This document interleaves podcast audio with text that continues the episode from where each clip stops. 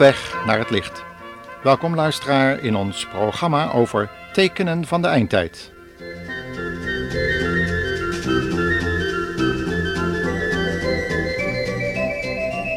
Het thema vandaag is tekenen in de kosmos. Uit Matthäus 24, vers 29 tot 36.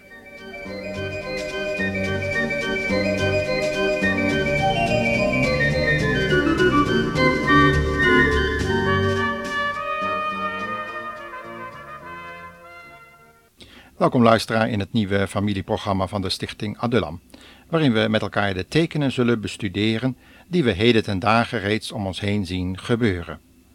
Opnieuw zitten we aan de voeten van de Heer Jezus en beluisteren zijn goddelijke en profetische woord, wat we openslaan bij Matthäus 24, vers 29 tot 36. Leest u weer met mij mee? Toen Jezus daar op de Olijfberg zijn reden over de laatste dingen hield, zei hij onder andere het volgende. De machten van het heelal zullen door elkaar worden geschud. Daarna zal het laatste teken van mijn komst aan de hemel te zien zijn. Heel de wereld zal jammeren en klagen. Iedereen zal mij zien komen in de wolken aan de hemel, met grote macht en majesteit. Ik zal mijn engelen en met luid trompetgeschal op uitsturen. Ze zullen de mensen die bij mij horen verzamelen van de verste uithoeken van de hemel en de aarde.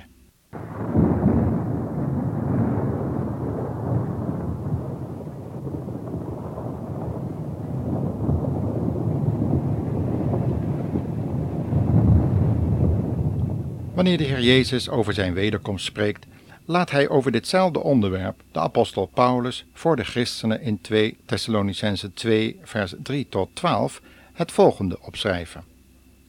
Laat u niet in de war brengen door geruchten dat de grote dag van de Heere er al zou zijn. Als u mensen hoort die een visioen of een boodschap van God zeggen gekregen te hebben, of zelfs een brief van ons zouden hebben gekregen, geloof hen niet.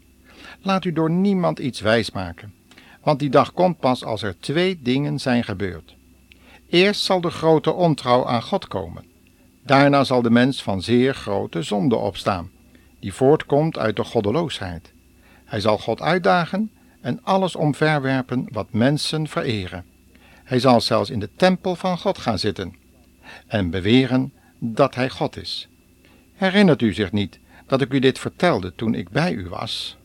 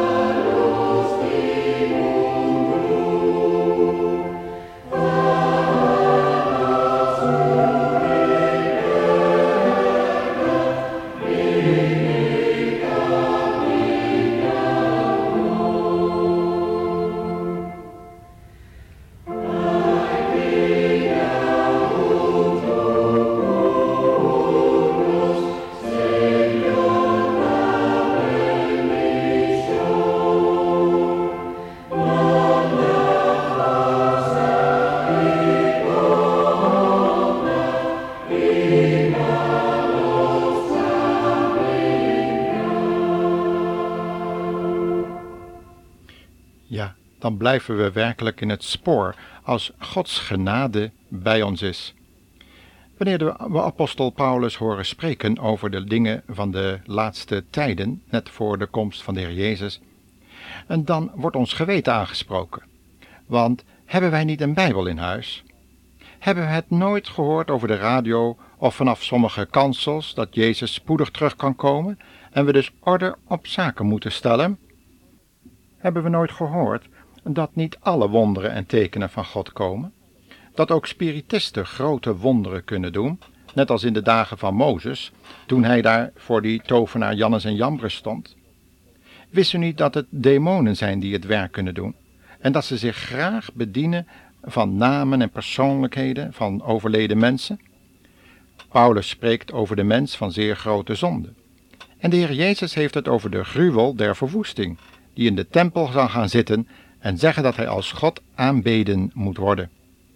Toen koning Herodes zich als een godheid liet aanbidden en keizer Nero zich goddelijke eer aanmatigde, werd de eerste direct door God gestraft en werd tijdens zijn leven al van de wormen gegeten, zodat hij stierf, terwijl de tweede figuur werd toegelaten om vele christenen te louteren tot het einde. Hij wierp ze voor de leeuwen, stak ze als fakkels aan en liet hen in de arena voor de toenmalige Olympische Spelen met de wilde dieren vechten.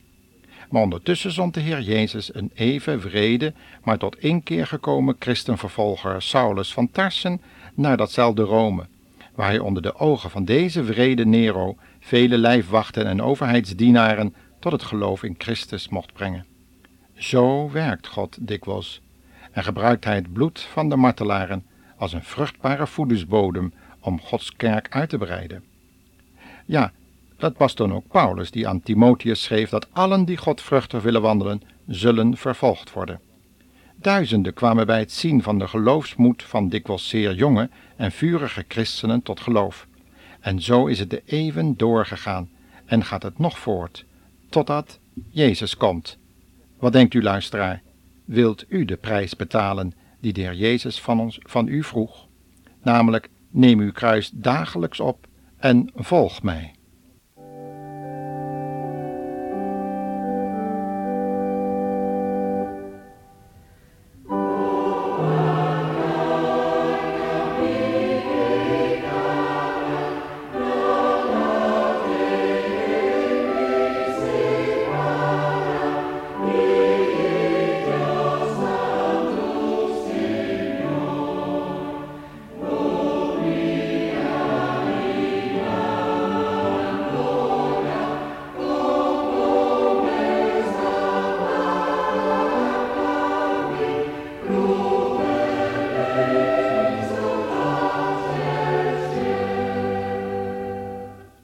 Maar er is iets wat de komst van de Heer Jezus in de weg staat.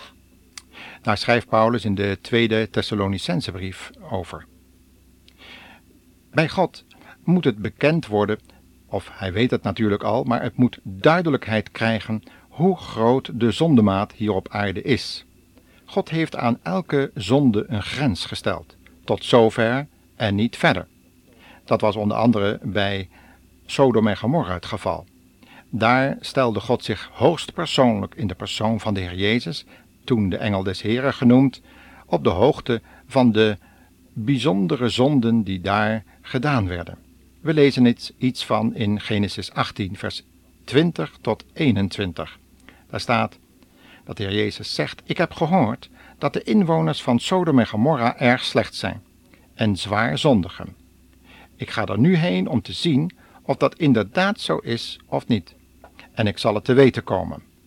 Natuurlijk is dit een menselijk spraakgebruik, wat voor Abraham nodig was om te begrijpen wat er eigenlijk aan de hand was in zijn tijd.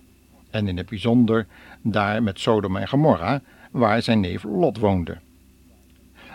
Abraham sprak met God als met een belichaamde geest, en het was nodig dat God zich op een begrijpelijke en menselijke wijze uitdrukte evenals een rechter zich terdege op de hoogte moet stellen van de feiten, hoewel hij misschien die al lang weet, zo wilde God zich als rechter persoonlijk als mens vertonen op de aarde, om de mensheid van de rechtvaardigheid van zijn oordelen te kunnen overtuigen. Sterker nog, hij stelt de gelovigen die hem dienen in de gelegenheid om voor geliefde gelovigen, ook familieleden, die zich op verkeerde plaatsen bevinden, te pleiten, zodat ze door Gods genade gered kunnen worden voordat hij met zijn oordeel moet komen. Dat is wel een geweldige genadeluisteraar, maar ook een hoge persoonlijke verantwoordelijkheid voor u en mij. En dat is nu precies wat de Heer Jezus ons vandaag als christenen te zeggen heeft. Hij wil ons overtuigen van zijn rechtvaardige toorn over de zonde, door onze vele geheime zonden die er om ons heen gebeuren, te tonen, zoals God de profeet Ezekiel liet zien.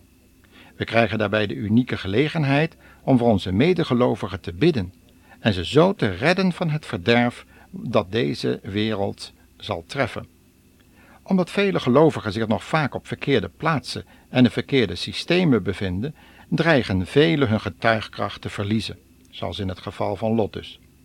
Deze had zelfs regeringsverantwoordelijkheid, want hij zat in de poorten van Sodom, waar recht gesproken werd. Wanneer we niet voor hen pleiten, kan God hen niet redden. Daarom zei Paulus ook dat hij de voorbeden, dat God de voorbeden wil gebruiken voor de overheden en de machten, zodat wij als christenen een gerust en stil leven kunnen leiden in de erediensten die we aan God wijden. Vele christenen zitten echter helaas verstrikt in de wereld en kunnen niet meer loskomen zonder de voorbeden en hulp van anderen. Ook vermaant God christenen die zich met de zonde van Babel hebben verward en in allerlei verkeerde handelstransacties dreigen ten onder te gaan, om daaruit te gaan, om dat los te laten. Ze worden opgewekt om hun positie te verlaten en zich los te maken van zondige verbindingen. Ga uit, buiten de legerplaats, roept de brief van de Hebreeën de gelovigen op. Komt de mens van zeer grote zonde, en dan is de grens die God aan de maat van zonde heeft gesteld, bereikt.